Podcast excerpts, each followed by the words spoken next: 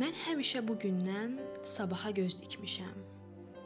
Amma özüm özümlə görüşə gecikmişəm. Qalaq-qalaq işlərim, diklərim, enişlərim. Qələmlə dostluğumdan göyərəm vərdişlərim. Məni vuran gah yerə, gah da uçurdu göyə. Gecikdim ömrüm boyu özümlə görüşməyə.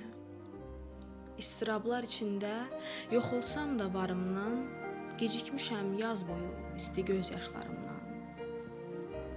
Su verib becərdiyim bəhərimə, barıma, gecikmişəm içimdən doğan arzularıma. Gecikmişəm həyatı həyatımdan ummağa. Gecikmişəm ən uca, ən müqəddəs hissimin başına dolanmağa. Gecikmişəm çoxunu əzabı ilə bezdirən, mənə isə qanad verən, hər qəmə yox, Allahın sevdiyi bəndəsinə pay kimi göndərdiyi o möhtəşəm qəmə də. Gecikmişəm uzaqda mələyən eşqimə də.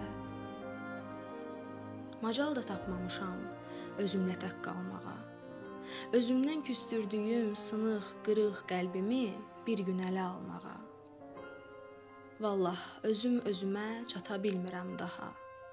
Qaş tutdu oynayırıq, yol uzun, öz özümü tuta bilmirəm daha. O zaman ki yorulub çəkilirəm təkliyə, taleyimlə barışıb endirirəm başımı amansız gerçəkliyə. Çəkirəm gündüzümün hesabını hər gecə, öz-özümlə gizlicə.